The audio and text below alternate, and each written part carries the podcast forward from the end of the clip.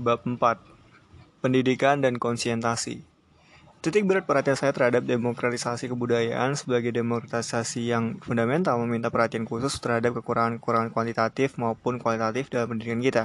Pada tahun 1964, sekitar 4 juta anak usia sekolah tidak tertampung dan sekitar 16 juta pemuda berusia 14 tahun atau lebih buta huruf. Kekurangan dan ketinggalan yang amat mencemaskan ini menghambat pembangunan negara dan pembangunan mentalitas demokratis.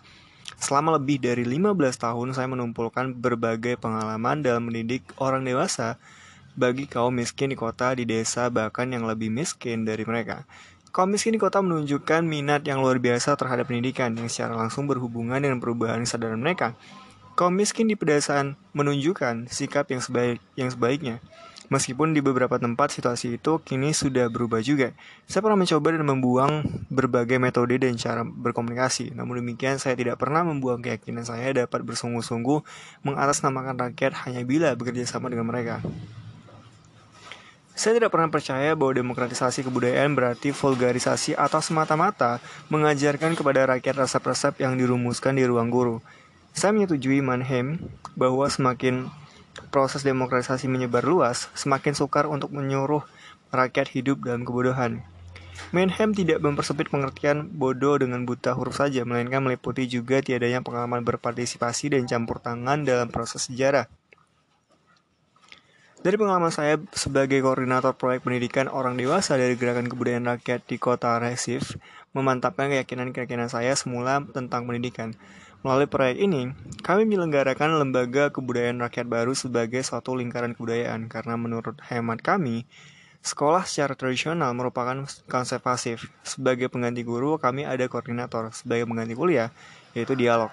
Sebagai pengganti murid, yaitu kelompok partisipan. Sebagai pengganti silabus yang asing, program utuh dan dipilah-pilah dan dikodifikasi menjadi unit-unit pelajaran. Dalam lingkaran-lingkaran kebudayaan itu, kami mencoba melalui diskusi kelompok, menyoroti situasi atau mencari tindakan-tindakan yang cocok sesudah situasi dapat dipahami. Tapi topik diskusi disodorkan kepada kami oleh kelompok itu sendiri. Nasionalisme, mengalirnya kekayaan, ke luar negeri, perkembangan politik Brazil, pembangunan, buta huruf, hak suara, kaum buta huruf, demokrasi adalah beberapa tema yang setiap kali muncul dari kelompok-kelompok. Tema-tema itu dan tema-tema lain juga sedapat mungkin dibuatkan skema dan disajikan kembali kepada kelompok dengan bantuan alat-alat visual dan dalam bentuk dialog. Ternyata hasilnya membuat kami tercengang. Setelah berpengalaman selama enam bulan dalam lingkaran-lingkaran kebudayaan, kami bertanya kepada diri sendiri, apakah tidak mungkin menyelenggarakan pemberantasan buta huruf di kalangan orang dewasa dengan hasil seperti yang telah kami capai ketika menganalisa realitas Brasilia. Kami mulai dengan beberapa data yang kemudian kami tambah dengan banyak data lagi atas bantuan pelayanan eksistensi kultural dari Universitas Resif yang untuk beberapa waktu saya pimpin dan yang mempunyai membiayai eksperimen-eksperimen yang kami jalankan. Usaha-usaha pemberantasan buta huruf pertama kali kami jalankan di Resif dengan kelompok yang diikuti oleh lima orang buta huruf. Dua di antaranya berhenti pada hari kedua atau ketiga, para peserta yang datang dari daerah pedesaan menampilkan sikap apatis dan fatalitis atas masalah-masalah mereka sendiri. Mereka sama sekali buta huruf. Pada pertemuan ke-20, kami menguji mereka. Agar lebih luas, kami mempergunakan epidiaskop. Di layar diperlihatkan dua stoples yang ber, yang satu berlabel gula, yang lain bertuliskan racun. Dan di bawah kedua gambar itu tertuliskan pertanyaan, mana yang akan kita pakai kalau kita mau membuat kopi? Kami meminta mereka mencoba membaca pertanyaan itu dan meminta mereka untuk menjawabnya secara lisan. Sesudah beberapa detik, mereka tertawa dan menjawab, gula. Dalam ujian-ujian berikutnya, kami pun mengikuti cara kerja yang sama, misalnya mengenali trayek-trayek bus, kota, atau kantor-kantor pemerintah. Menginjak jam pelajaran ke-24, seorang peserta penulis penuh kepercayaan diri, kini saya terheran-heran pada diri saya sendiri. Sejak awal saya menolak hipotesis yang terdapat pada rencana pemberantasan buta huruf yang semata-mata mekanistis. Kami berpendapat bahwa dalam pengajaran orang dewasa, masalahnya terletak pada bagaimana mengaitkan pelajaran membaca dengan sekaligus membangkitkan kesadaran mereka. Sejak dulu kami berniat untuk menyusun proyek pemberantasan buta huruf yang sekaligus menggerakkan orang untuk beralih dari sikap naif ke sikap kritis. Kami menghendaki suatu program pemberantasan buta huruf yang sekaligus merupakan introduksi bagi demokratisasi kebudayaan program yang melibatkan manusia sebagai subjek dan bukan sebagai penerima pasif semata. Program yang merupakan tindakan kreatif yang mendorong lahirnya tindakan-tindakan kreatif lainnya yang memungkinkan murid mengembangkan sikap ingin tahu dan gairah untuk maju melalui penelitian dan penemuan. Sejak kami mulai dengan keyakinan bahwa manusia tidak hanya berperan sebagai ada dalam dunia, tetapi terlihat dalam hubungan bersama dengan dunia, dengan mencipta dan mencipta lagi, manusia menyusun realitas kultural dan menambahkannya pada realitas natural yang tidak dibuat oleh manusia. Kami yakin bahwa hubungan manusia dengan realitas sebagai subjek yang terarah kepada objek menghasilkan pengetahuan yang diekspresikan melalui bahasa.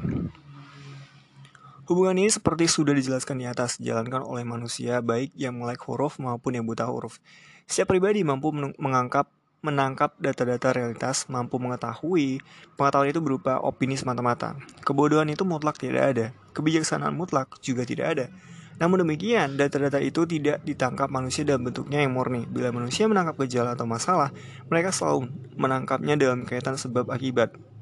Semakin cermat dan tepat manusia menangkap kausalitas, semakin kritis pemahaman mereka atas realitas.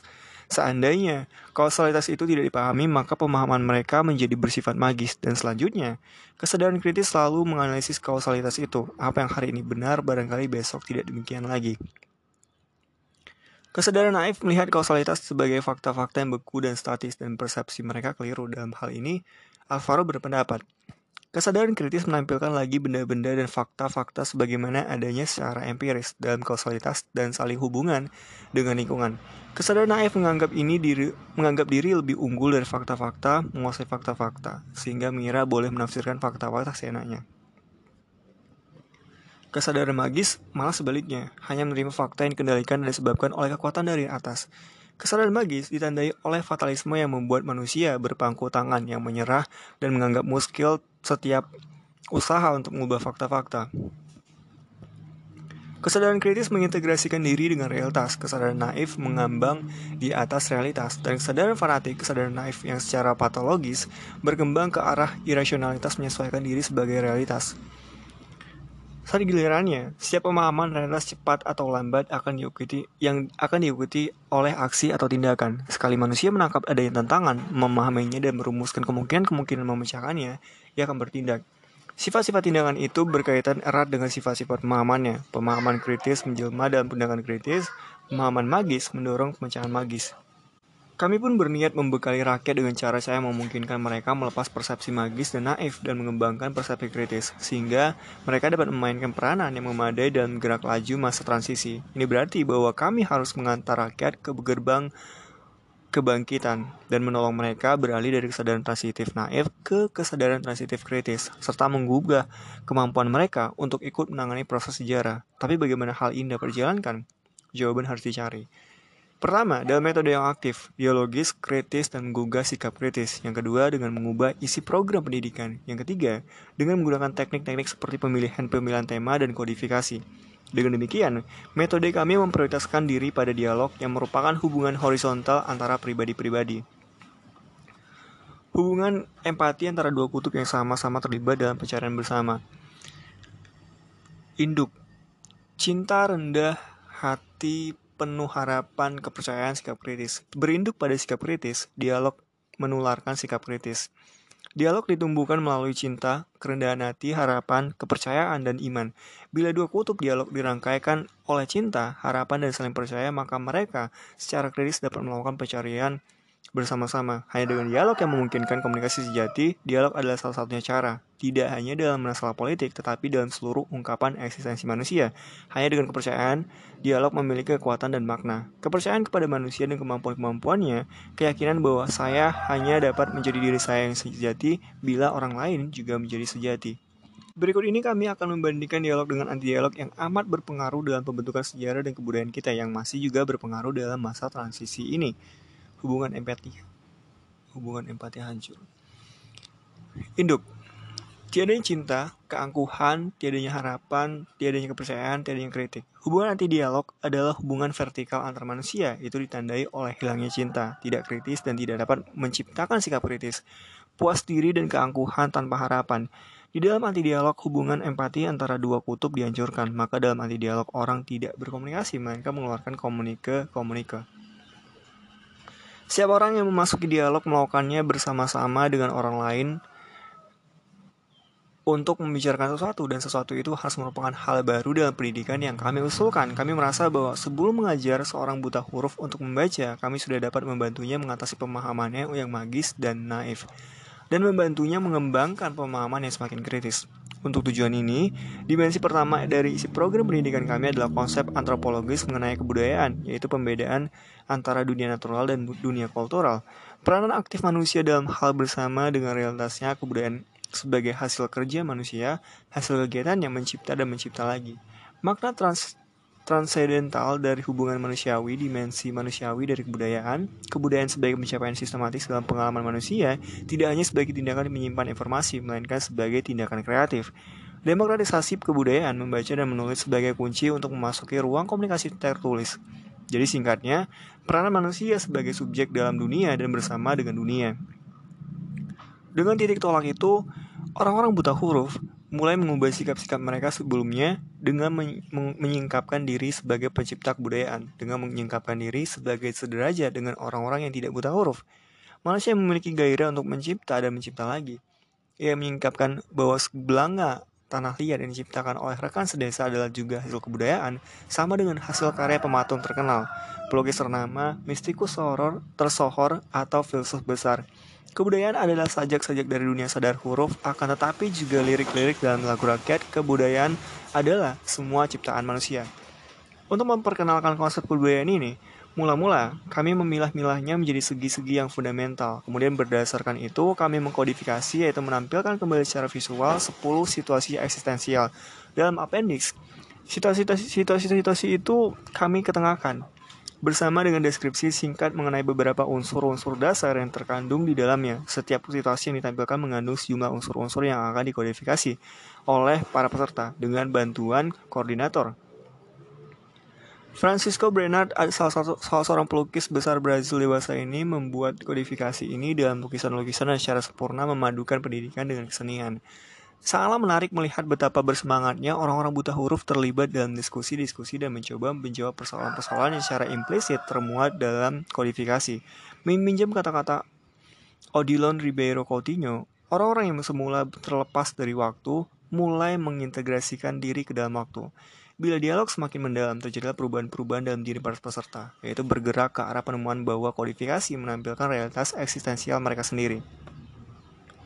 Dengan, dengan sangat bahagia dan penuh kepercayaan diri, banyak peserta yang selama diskusi ini menyatakan bahwa mereka tidak disodori hal-hal baru yang hanya harus diingat. Saya seorang tukang sepatu, kata salah seorang, dan sekarang saya melihat bahwa saya cukup layak dan sederajat dengan dokter yang menulis buku. Besok pagi, gumam seseorang yang, menyap, yang, yang menyapu jalan di Brasilia. Saya akan berangkat kerja dengan kepala tegak. Dia sudah menemukan nilainya secara pribadi. Saya tahu sekarang saya pun manusia berbudaya.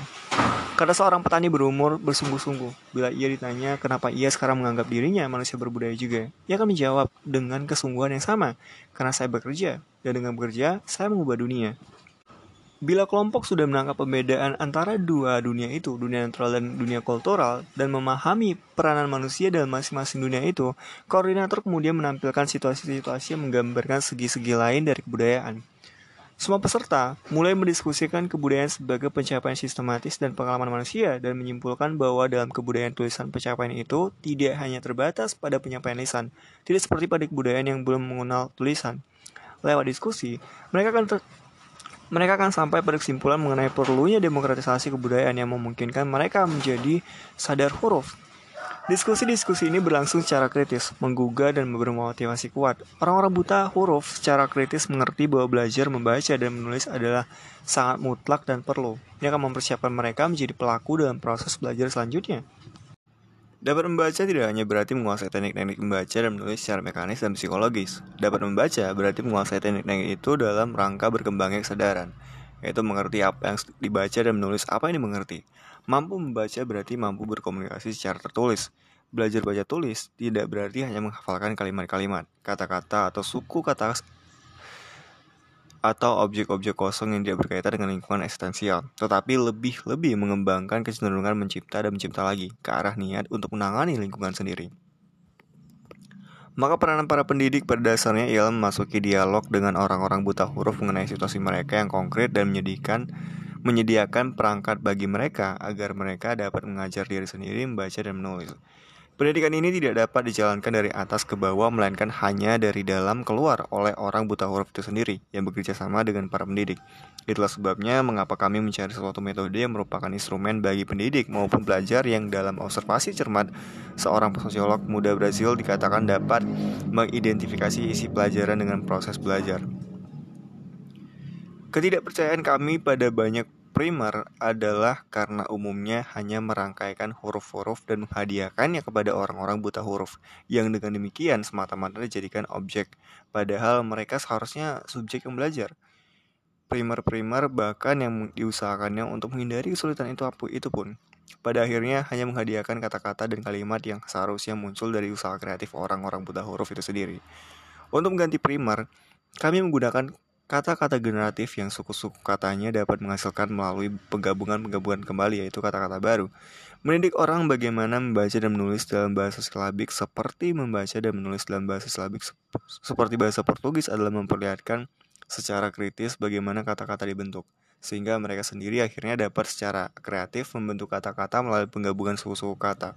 15 atau 18 kata sudah cukup memadai untuk menampilkan fonem-fonem atau bunyi bahasa pokok dalam bahasa Portugis.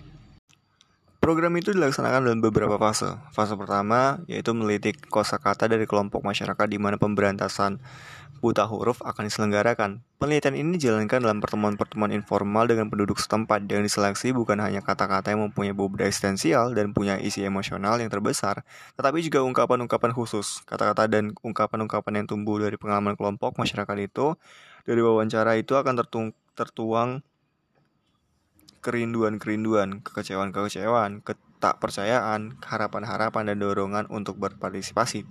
Dalam fase permulaan ini, tim pendidik sekaligus menjalin hubungan yang amat berharga dan sering kali secara tidak terduga menemukan keindahan dan kekayaan bahasa rakyat. Dalam arsip pelayanan ekstensi kultural Universitas Recife tersimpan hasil studi kosakata di daerah perkotaan maupun pedesaan wilayah Brazil Selatan dan Timur Laut dengan banyak contoh seperti ini.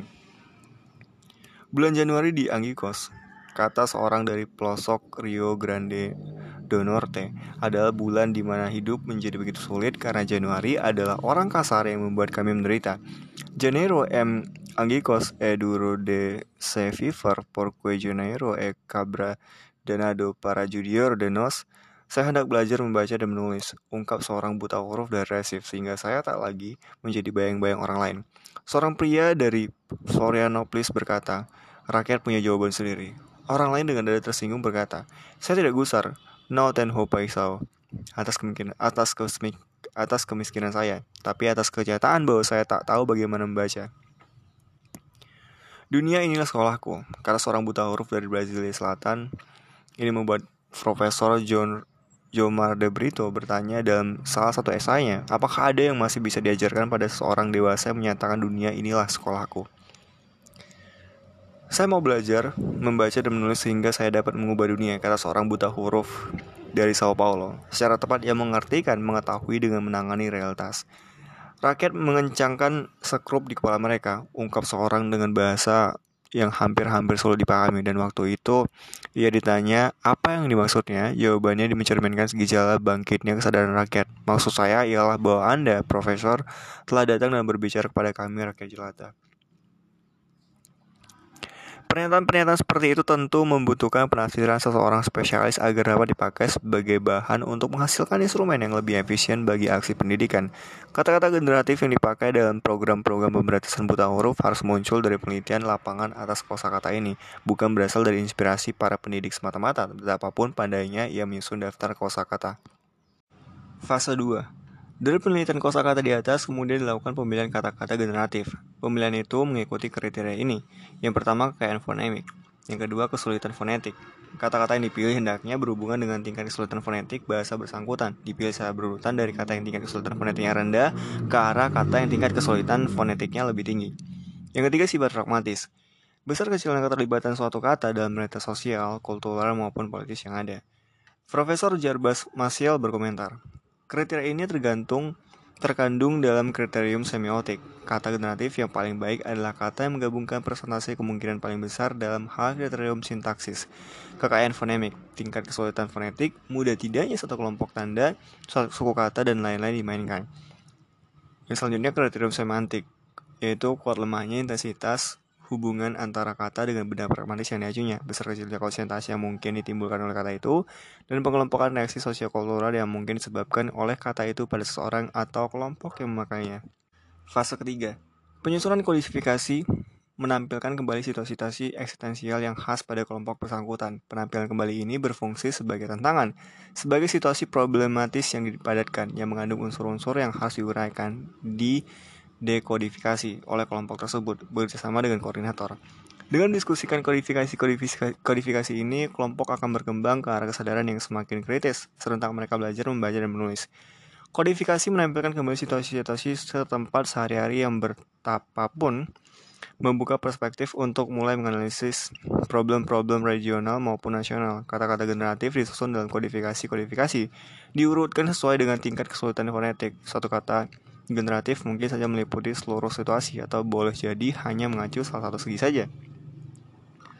Fase keempat, penyusunan agenda bukan sebagai jadwal ketat yang tak bisa ditawar-tawar lagi, melainkan sekedar pedoman bagi para koordinator.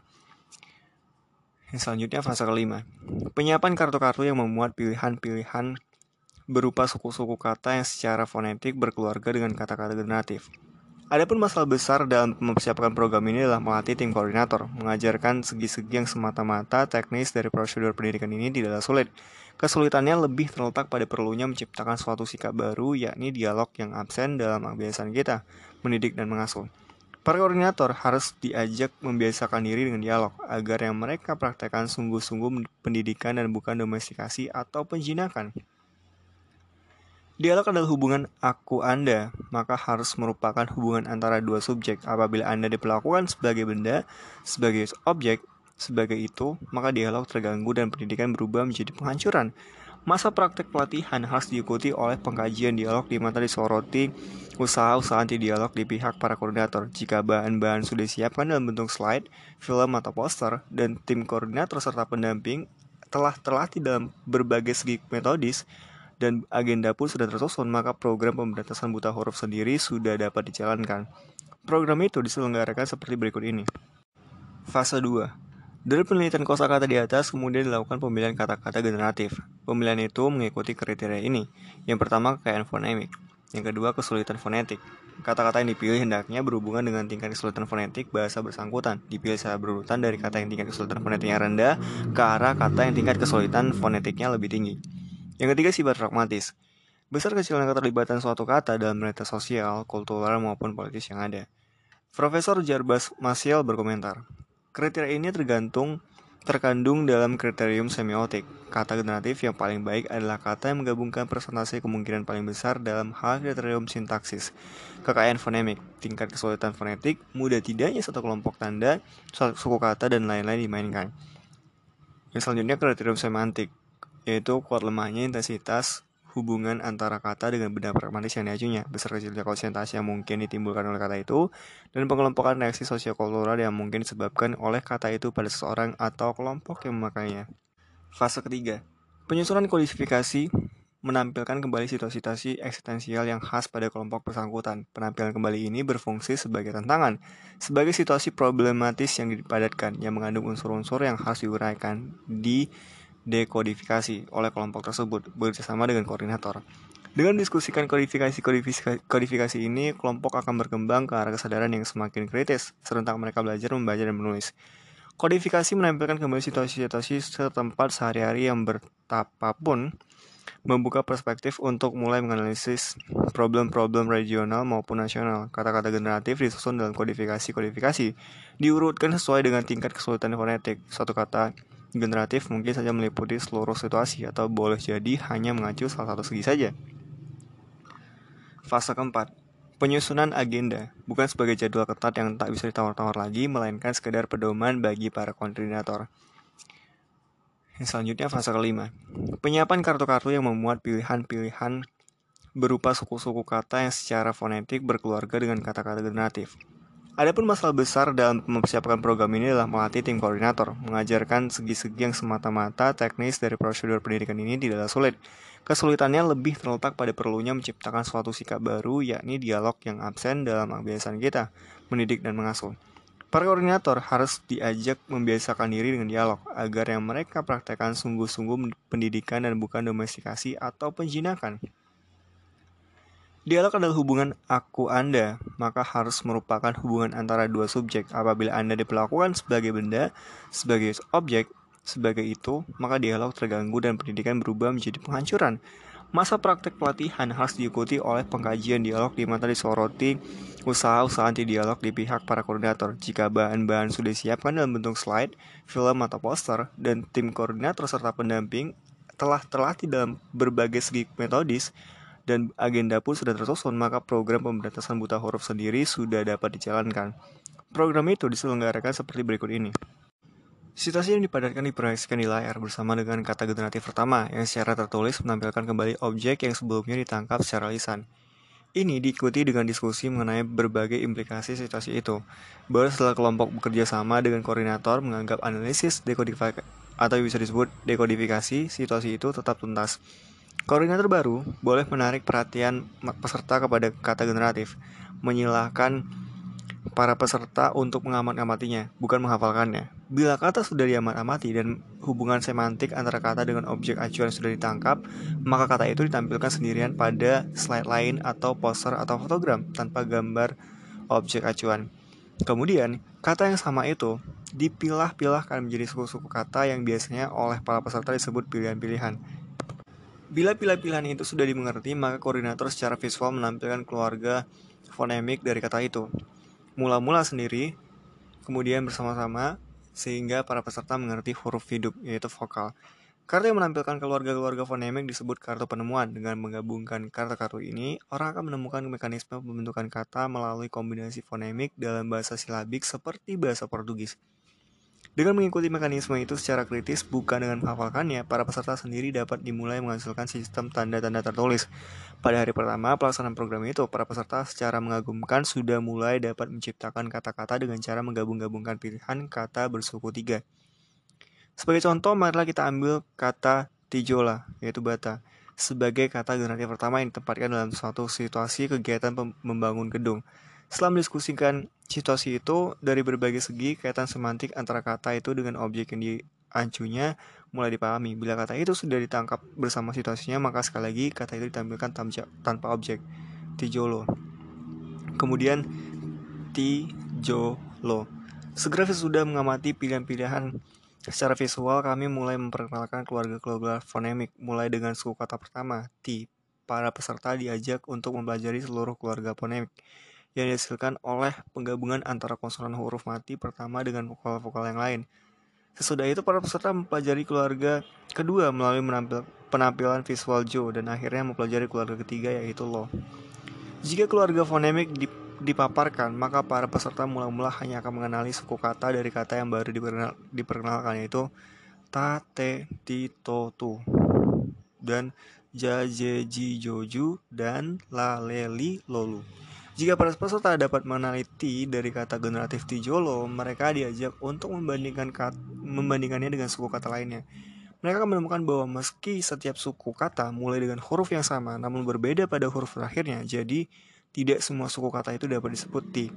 Cara kerja yang sama dijalankan pula terhadap suku kata jo dan lo beserta keluarga-keluarga mereka.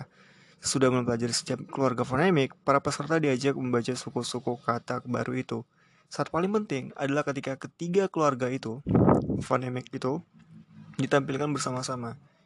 Sebagai contoh, ta, teti, totu, ya, jeji, joju, dan la, leli, lolu. Kartu penemuan. Sesudah sekali membaca secara horizontal dan sekali membaca secara vertikal untuk mengerti bunyi-bunyi vokal, kelompok peserta bukan koordinator mulai melakukan sintesis lisan. Satu demi satu mereka semua mulai menciptakan kata-kata dengan menggunakan kombinasi yang mungkin. Tatu atau bisa disebut armadillo, tringgiling, yang selanjutnya luta atau bisa disebut penjunangan, lajota, batu ampar, loja, kedai, jato jet, jutarami, Lotte Undian, Lula Gurita, Tela Kasa, dan lain-lain. Bahkan ada beberapa peserta yang mengambil salah satu vokal dari salah satu suku kata, merangkainya dengan suku salah satu suku kata, merangkaikannya dengan suku kata lain, dan menambahkan yang ketiga, sehingga membentuk suatu kata. Misalnya mereka mengambil i dan li, menggabungkannya dengan le, lalu ditambah dengan t, yang bis, yang jadinya leite atau bisa disebut susu. Ada pula seperti seorang buta huruf dari Brazil yang pada malam pertama pemberantasan buta huruf sudah berkata tujales atau bisa disebut Anda sudah membaca. Anda sudah membaca.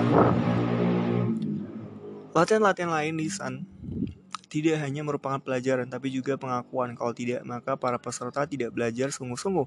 Bila itu semua selesai, para peserta mulai pada petang pertama itu juga belajar menulis. Hari berikutnya, mereka diminta membawa dari rumah sebanyak mungkin kata-kata yang dapat mereka buat dengan menggabung-gabungkan fenom-fenom yang sudah mereka pelajari. Tidak menjadi soal apakah hasil penggabungan-penggabungan itu betul-betul berupa kata berarti atau tidak. Yang paling penting adalah bahwa mereka sudah menemukan mekanisme penggabungan fonemik. Kelompok peserta itu sendirilah dengan bantuan koordinator bukan koordinator dengan bantuan kelompok peserta yang akan menguji kata-kata ciptaan mereka sendiri. Suatu kelompok di Rio Grande de Norte menyebut gabungan-gabungan yang berarti dengan kata-kata berpikir dan gabungan tak berarti dengan kata-kata mati. Tidak jarang sesudah mengolah mekanisme fonemik dengan memakai kartu penemuan para peserta dapat menuliskan kata-kata dengan fonem-fonem yang lebih kompleks seperti tra, nh, dan seterusnya yang belum pernah ditunjukkan kepada mereka. Pada satu lingkaran kebudayaan di Angikos, Rio Grande de Norte, pada hari diskusi kelima, ketika sedang diperlihatkan fonem-fonem sederhana, seorang peserta maju ke, ke papan tulis dan menuliskan seperti yang dikatakannya. Kata yang berpikir, yang menulis, All, povo vai resolver o problema do Brasil votanda consciente yang artinya rakyat akan memecahkan problem-problem Brazil melalui voting yang sadar. Dalam hal-hal seperti itu, kelompok diajak mendiskusikan ungkapan itu membahas maknanya dalam konteks realitas. Bagaimana kita bisa menjelaskan kenyataan bahwa seseorang yang beberapa hari sebelumnya masih buta huruf tiba-tiba dapat menuliskan kata-kata dengan fonem yang kompleks, bahkan sebelum itu diajarkan. Sekali seorang berhasil menguasai mekanisme penggabungan fonemik, ia akan mencoba dan melakukan pengungkapan diri secara tertulis. Apa saja yang ingin dikatakannya. Saya mau menggarisbawahi bahwa dalam mendidik orang dewasa, proses mekanistik dan sekadar menghafal harus dihindari. Sebaliknya, mereka harus dimungkinkan untuk mencapai kesadaran kritis sehingga dalam belajar membaca dan menulis, mereka dapat menjadi guru bagi mereka guru bagi mereka sendiri. Metode pendidikan yang aktif yang membantu seseorang untuk makin menyadari lingkungannya dan kondisinya sebagai subjek juga akan menjadi perangkat untuk memilih. Dalam hal ini, ia menjadi terlihat dengan soal kemasyarakatan ketika seseorang bekas buta huruf dari Anggikos mengatakan di hadapan Presiden Joao Goulart dan stafnya bahwa ia tak lagi bagian masa, melainkan seseorang dari rakyat, ia tidak hanya mengucapkan semboyan semata-mata. Ia melakukan pilihan secara sadar, ia memilih untuk ikut serta memutuskan suatu hak rakyat, tidak lagi membiarkan diri terkungkung dalam keresahan emosional masa. Ia mulai sungguh-sungguh terlibat. Program Nasional Pemberantasan Buta Huruf dari Departemen Pendidikan dan Kebudayaan yang saya koordinir merencanakan untuk memperluas dan menyempurnakan pendidikan ini untuk seluruh Brazil. Tentu saja kami tidak dapat membatasnya pada program pemberantasan buta huruf saja, meski program itu sudah kritis dan tak lagi mekanistis. Dengan cita-cita yang sama dengan pendidikan komunikatif, kami pun merencanakan tak pernah melek huruf yang hanya kurikulumnya saja yang berbeda. Bila program nasional pemberantasan buta huruf itu tidak dilarang oleh kudeta militer 1964, maka tentu sudah ada sekitar 20 ribu lingkaran kebudayaan yang hidup di seluruh negeri. Di situ, kami merencanakan untuk meliti tema-tema rakyat Brazil. Tema-tema ini akan dianalisis oleh para spesialis dan dipecah-pecah ke dalam unit-unit pelajaran, seperti yang telah kami buat dengan konsep kebudayaan dan dengan kodifikasi yang berhubungan dengan kata generatif. Kami akan mempersiapkan film-film strip mengenai unit-unit dan teks-teks yang disederhanakan dan yang mengacu pada teks induk. Dengan mengumpulkan tema-tema itu, kami akan dapat menyusun suatu program purna melek huruf yang amat bermanfaat. Selanjutnya, dengan membuat katalog satuan-satuan tema dan referensi ke perpustakaan, kepustakaan yang disebarkan ke sekolah-sekolah menengah dan perguruan-perguruan tinggi, kami dapat memperluas jangkauan program dan membantu mendekatkan sekolah kami dengan realitas sendiri. Pada saat yang sama, kami mulai menyiapkan bahan-bahan yang memungkinkan kami secara konkret menyelenggarakan pendidikan yang dapat mengembangkan apa yang oleh Aldous Huxley disebut seni mengumpas gagasan sebagai anti racun atau obat penawar terhadap kekuatan propaganda yang mengurung dan menjinakkan. Kami menyiapkan film-film strip untuk dipakai dalam propaganda pemberantasan buta huruf yang menampilkan berbagai propaganda dari iklan niaga sampai indokrinisasi ideologis sebagai situasi problematis yang harus yang harus didiskusikan. Sebagai contoh, Seseorang melalui diskusi yang menangkap tipu muslihat dalam iklan rokok yang menunjukkan seorang gadis cantik yang sedang tersenyum dalam pakaian bikini terungkap fakta bahwa gadis itu senyumnya, kecantikannya dan bikininya tidak ada siangkut paut sama sekali dengan rok dengan rokok. Kalau begitu, orang itu mulai menemukan perbedaan antara pendidikan dan propaganda. Pada saat yang sama, mereka mempersiapkan diri untuk mendiskusikan dan menangkap tipu muslihat serupa di balik propaganda, ideologi atau politik. Mereka membekali diri untuk mengupas gagasan bagi saya Kenyataan ini selalu tampak sebagai cara untuk menegakkan demokrasi, bukan untuk menggerogotinya. Seseorang menggerogoti demokrasi, biarpun mungkin dia melakukan nama demokrasi dengan membuatnya tidak rasional, dengan membuatnya kejam dengan dalih untuk mempertahankan diri terhadap kekejaman totaliter dengan membuatnya penuh kebencian, padahal demokrasi hanya bisa berkembang dalam suasana cinta dan hormat terhadap pribadi. Dengan membuatnya tertutup, padahal demokrasi hanya hidup dalam saling keterbukaan, dengan menyebarkan ketakutan pada demokrasi harus membuat orang berani dengan membuatnya alat di tangan penguasa untuk menindas mereka yang lemah dengan menghadapkan militer pada rakyat dengan membuat seluruh bangsa teralienasi atas nama demokrasi. Seseorang menegakkan demokrasi jika ia membawanya ke arah apa yang oleh Menhem disebut demokrasi militan, demokrasi yang tidak menakut-nakuti rakyat, yang menolak adanya hak-hak istimewa, yang merencana, tanpa menjadi kejam yang mempertahankan diri tanpa menjadi benci yang ditumbuhkan oleh semangat kritis dan bukan oleh semangat yang tidak rasional. Wasana kata Dewasa ini kita masih dihadapkan pada tugas untuk melalui pengalaman partisipasi, mengatasi urangnya pengalaman demokrasi, begitu juga tugas untuk mengakhiri suasana rasional yang masih saja menyelimuti Brazil. Terlalu terburu-buru untuk mempersoalkan sejauh mana usaha mengatasi suasana itu tidak malah menimbulkan ledakan-ledakan lebih luas dan bahkan kemunduran-kemunduran lebih pahit. Sangat mungkin suasana emosional yang semakin menegangkan yang dihadirkan oleh rasionalisme kaum sektarian dapat membuka jalur baru dalam sejarah yang meskipun lebih lambat akan mengantar kita kepada kehidupan rakyat yang lebih otentik dan lebih manusiawi.